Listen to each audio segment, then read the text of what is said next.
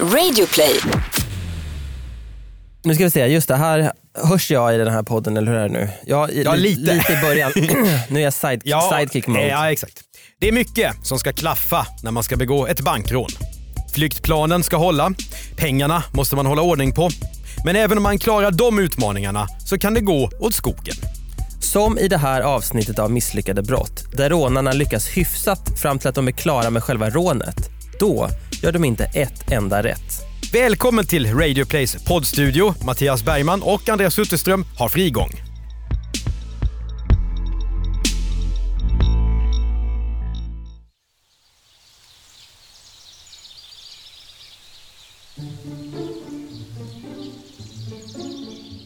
Det är den 16 januari 2006. Vart femte hushåll i Sverige har svårt att få ekonomin att gå ihop enligt en ny undersökning. Israels premiärminister Ariel Sharon har öppnat ögonen fyra gånger. Han ligger nämligen i koma efter en hjärnblödning.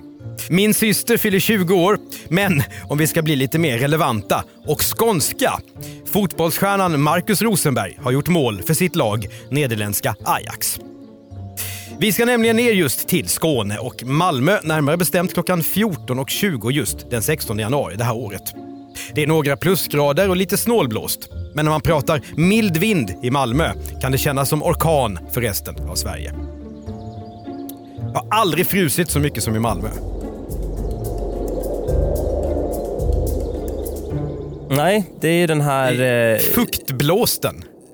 vinden som sätter sig som ett band längs ryggraden. Ja, otroligt kallt kan det bli. På Amiralsgatan 84 har Handelsbanken ett av sina kontor. Där jobbar sex personer. Den här hårt trafikerade gatan är en av de bredare i Malmö och kvarteret är, om vi ska vara ärliga, inte särskilt roligt. Bilar susar förbi i hög fart i stenöknen ända från kanalen ner till Rosengård. Bankkontoret ligger inte långt från Nobeltorget, eller Nobeltorget som man ibland säger i Malmö. I närheten finns också Folkets park där Malmöborna kan roa sig. Men det gör de knappast en sån här vanlig trälig måndag i januari. Utanför banken står en vit Toyota Camry. Den är stulen. Men det är ett av de minst allvarliga brotten som vi ska berätta om i det här avsnittet. För nu rusar biltjuvarna, som är två unga män, in på banken. De har huvor på sig och både en yxa och en pistol i högsta hugg. De två männen kallar vi för Anton och Jakob. Anton är 21 och bor i Svalöv, där din brorsa Andreas har försökt att bli författare. Ja, genom två år på folkhögskola. Mm, men det ska inte ligga honom till last. Han blev ju jurist sen. Så. Precis. Ja. precis. Jakob på sin sida, han är 22 och skriven i en lägenhet alldeles i närheten av banken. Men de här kompisarna är antagligen inte de som går trevliga promenader i Pildammsparken eller tar en pilsner på någon hipp bar när de umgås med varandra. Anton är dömd för narkotikabrott och just nu är han utsläppt villkorligt. Jakob kallas för Knas och är en fixare. Eller så har han bara hamnat i riktigt dåligt sällskap. Det är lite Fasciner- oklart. fascinerande med de här kriminella namnen. Att knas, det låter lite, lite söderkåkar Ja. och eh, 60-tal. Eh, att, men det kan man fortfarande kallas alltså eh, på 2000-talet. Ja, det står i domen att det finns sms-meddelanden som är undertecknade med knas. Så det, och då hänger då... Det finns en diskussion om vem som har skickat dessa. Men väldigt mycket tyder på att det här är Jakob. Och, men du tänker kanske på Gunnar Knas Lindqvist, den gamle crazy-humoristen. Det gör jag inte. Jag bara tänker på eh, att det är väldigt roligt vad eh, kriminella kan kallas för. Jag vet Mm. en kompis som var involverad i inspelningen av en inte så bra svensk film. Man skulle ha nazister som statister. Och Då kom det en nazist som presenterade sig som Kuken. Och, Ah, ja. och sen tilltalades detta under hela inspelningen. Så att ja, allt är möjligt i, i vissa kretsar verkar det som. Och där någonstans så lägger vår producent Jonas Lindskog in parental advisory-texten i caption till det här avsnittet. Nu tycker Anton och Jakob i alla fall att de behöver pengar. Och det är såklart därför som de håller på att råna det lilla bankkontoret på Amiralsgatan. Kontorschefen sitter i sitt rum och hör från lokalens större yttre del där kunderna befinner sig hur hans jobbarkompisar ropar “Nej, vi blir rånade!” “Hit med pengarna!” ryter en av männen och viftar med pistol. Hit med pengarna, Andreas. Mm. Det står i domen att de faktiskt säger ordagrant så. Men så där pratar man ju i gamla filmer.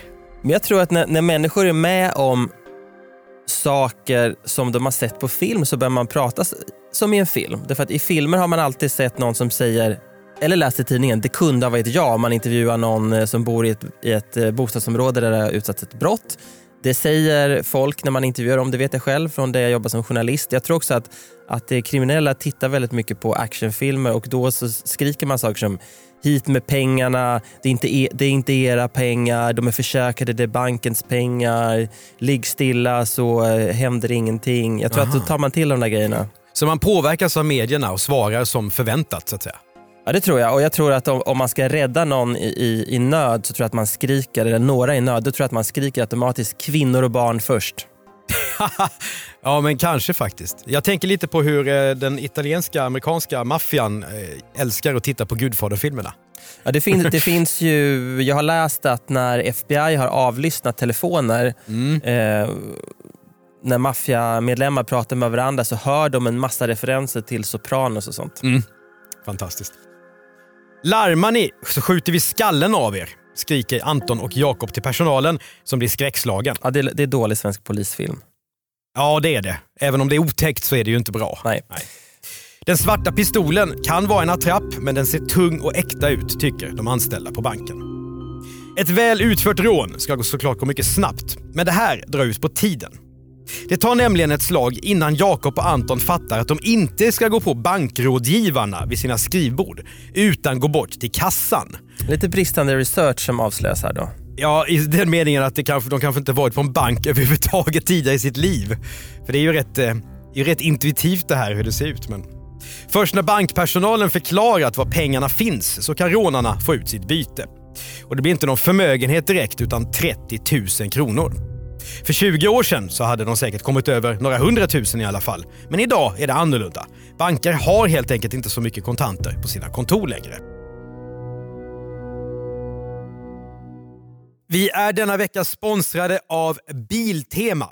En kedja där man hittar precis allting. Och nu när det är vår så kan man bland annat hitta cyklar. Det är ju någonting som jag dock inte kommer göra eftersom jag bor i Stockholms innerstad och aldrig cyklar. Nej, och jag är ju väldigt intresserad av din relation till cyklar för du har ju till exempel själv ingen cykel och du har också sagt att du har sett din mamma cykla en enda gång. Ja, man brukar ju säga, det är ju, talesättet är ju att det sitter ju i att man kan inte glömma att cykla. Men jag börjar bli osäker faktiskt i hennes fall. Hur som helst. Men om du nu skulle köpa en cykel till din mamma när hon fyller jämnt nästa gång, finns det någonting på Biltema som ja. du tror skulle kunna passa? Ja men lätt! Och dessutom har ju Biltema sin köp och hämta-tjänst så att jag sitter här nu, skulle kunna klicka hem cykeln direkt och köra min vanliga e-handel, eh, välja varuhus och betala med kortet och sen hämta upp det här på varuhuset efter bara på två timmar. Ja. Jag behöver inte ens åka ut, ut och titta på cyklarna. Nej, precis. Och jag lovar att bistå med gratis eh, bilservice, Mattias.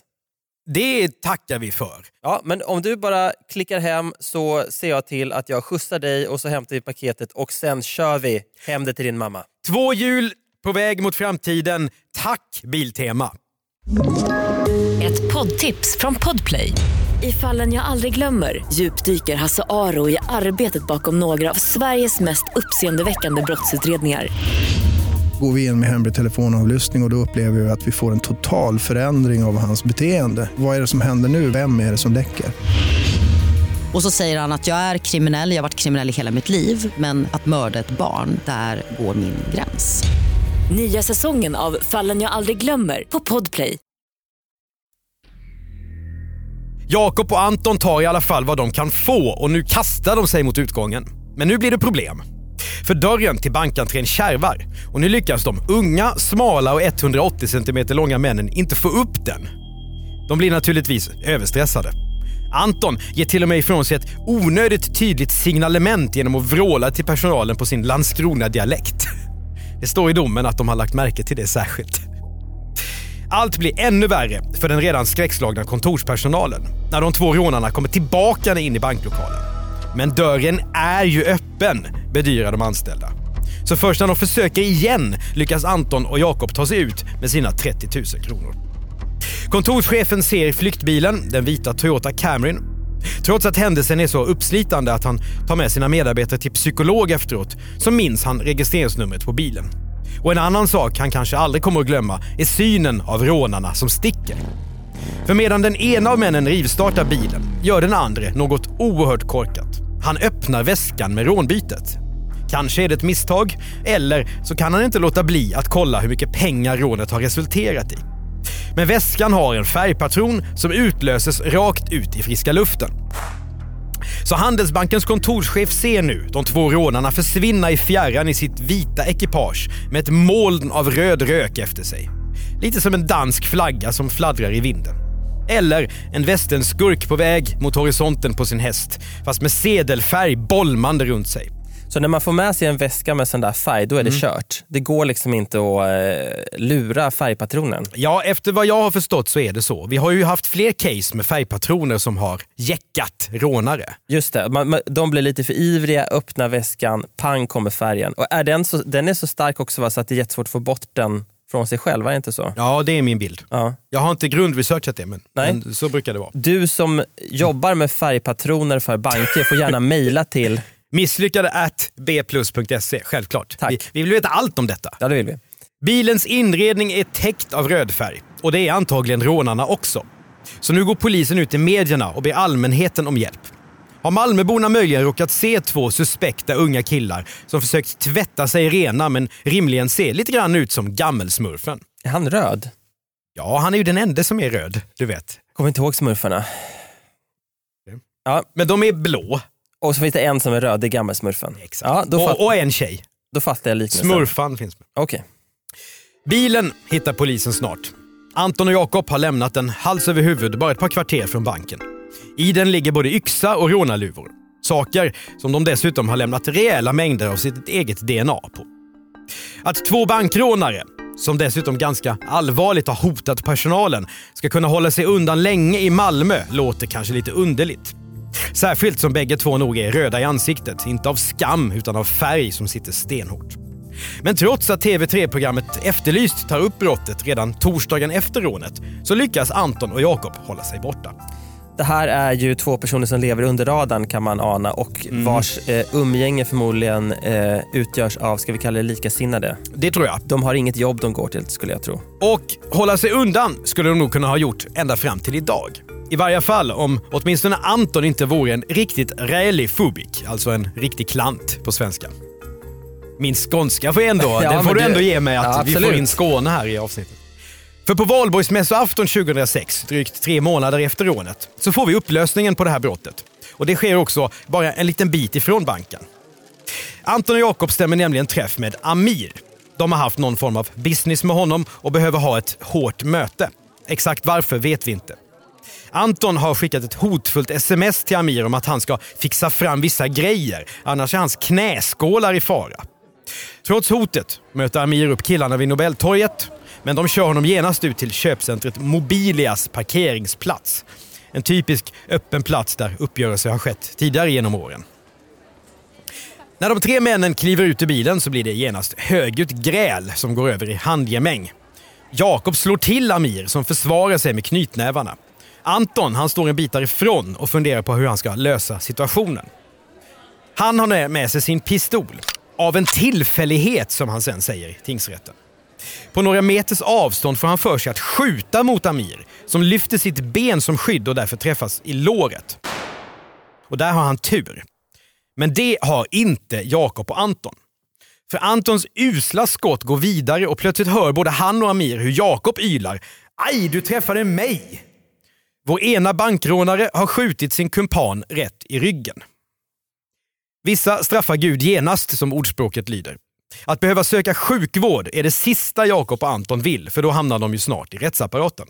Och nu har Antons onda taktik gjort att hans och Jakobs brott misslyckas.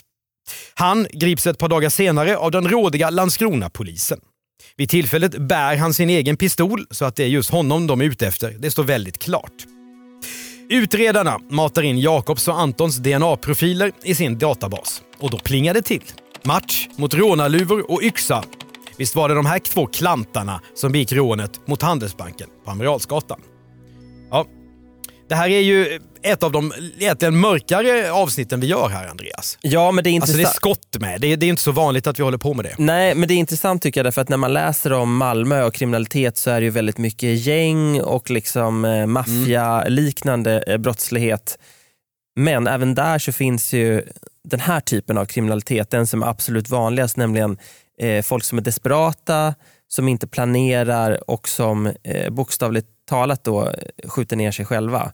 Precis så. Och det känns ju bra att vi, om vi kan hjälpa till att nyansera en bild av den svenska kriminaliteten. Ja, men det, det är fascinerande också, så här, jag, jag funderar på det här om dagen vad det är som är det gemensamma Mm. i de här casen vi berättar om. Då är det oftast eh, alltså varför folk begår de här brotten. Mm. Det, är det är desperat behov av pengar, Ja. det är missbruk, det är inga vänner eller dåliga vänner. Och här- Skuld, skulder. skulder eh, och sen också någon slags övertro på att, att en liten kupp Ja. ska kunna lösa alla problem. Ja. Bara jag gör det här så kommer alla problem lösa sig. Mm. Och Jag tror att de här killarna checkar ganska många av de där boxarna. Ja men verkligen. verkligen. Men De- det, är ju, det är ju riktigt mörkt och eh, framtiden ser väl inte superljus ut för de här två. Det får vi snart höra om. Nu blir det rättegång i Malmö tingsrätt och det är en handfull åtalspunkter som ska behandlas. Anton och Jakob åtalas för bilstölden, rånet på banken och mordförsöket då på Amir såklart. Och så har vi ett gammalt krogbråk och en rattfylla ovanpå det. Anton står dessutom åtalad för grovt vållande till kroppsskada och det handlar alltså om när han sköt sin kompis Jakob i ryggen. Jönssonligan har fått konkurrens, skriver tidningen Kvällsposten. Tänk att det alltid är Jönssonligan som är referensen när, Ja, när eh, ja. kriminella inte har varit super eh, Ja. Och det har ju vi också gjort oss skyldiga till. Det är bara att erkänna. Oh ja, men man ser det ofta i rubriker. Det gör man. Och egentligen har jag tänkt på det när jag skriver det här manuset att det är lite dumt och orättvist mot Jönssonligan att de gör det. För om man tänker efter så lyckas ju de med kupperna. Mm. Okej, ta IKEA-kuppen. Nu kan du mer om Jönssonligan än jag, det hör jag på en gång. Ja, nej men det, jag ska inte låta som någon expert här, men om man tänker de gamla, Gösta Ekman Jönsson, alltså the original Jönsson. Då är det visserligen så att i början av filmerna så går det ju alltid åt skogen och, och Sickan hamnar i fängelse. Som IKEA-kuppen då till exempel. Men filmerna slutar ju alltid med att de har en massa pengar. Just det. när till exempel Doris hittar eh, en massa... De, hon hittar ju IKEA-pengarna i en kudde. För hon råkar gå på IKEA och köpa kudden där de har gömt pengarna. Ja, det går bra ändå på något sätt. Ja, Och, och så spränger de mycket. så att faktum är att Jönssonligan är skickligare. De är mer lyckade brottslingar än, än de flesta av dem som vi har med Ja, det är helt misslyckade brott. Det är helt sant. Det är dags att omvärdera Jönsson. kanske. Exakt. Finns det då någonting som Anton och Jakob kan göra för att eh, straffet ska bli lite mildare och rättegången gå åt deras håll? Ja, de misslyckade brottslingarna i den här podden brukar ju kunna vara ganska kreativa i rättssalen. Anton drar det slitna kortet att han inte har några som helst minnen av vad han har gjort den dag då rånet inträffade. Men DNA är såklart övertygande teknisk bevisning. Anton hävdar dock att hans DNA måste ha hamnat på rånarluvan när han har provat just en sån svart luva hemma hos en kompis några dagar före rånet. Som man gör. Som man ju gör. Men det mycket allvarliga brottet försök till mord då, alltså det som Amir har utsatts för. Ett vittne som stått bara 40 meter från männen vid parkeringsplatsen, de har, han har sett alltihop. Så att det är Anton som har skjutit råder ingen tvekan om. Anton säger till sitt försvar att han faktiskt bara tänkt att drämma till Amir med kolven på revolvern. Han säger i tingsrätten att om han hade velat hade han utan tvekan kunnat döda Amir, men han lever ju nu.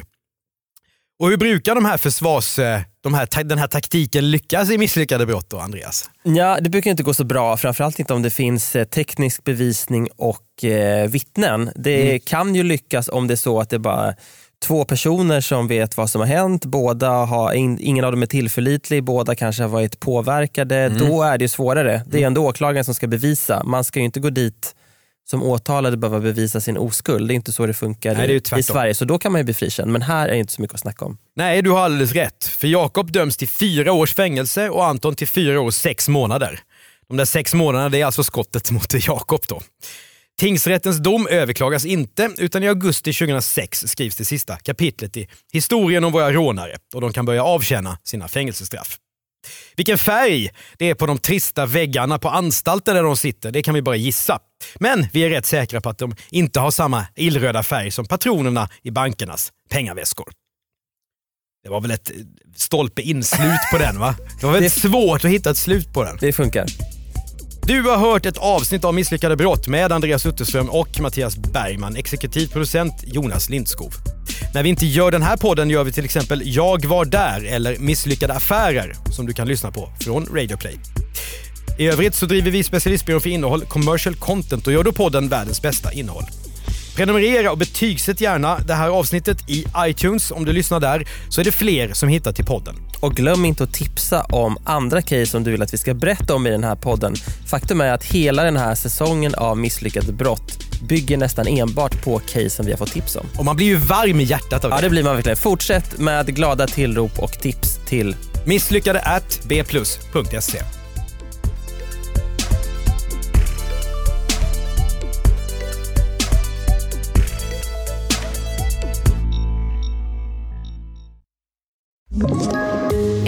Poddtips från Podplay. I podden Något Kaiko garanterar östgötarna Brutti och jag, Davva, dig en stor dos skratt. Där följer jag pladask för köttätandet igen. Man är lite som en jävla vampyr. Man har fått lite blodsmak och då måste man ha mer. Udda spaningar, fängslande anekdoter och en och annan arg rant. Jag måste ha mitt kaffe på morgonen för annars är jag ingen trevlig människa. Då är du ingen trevlig människa, punkt. Något Kaiko, hör du på Podplay. Därför är gardinerna.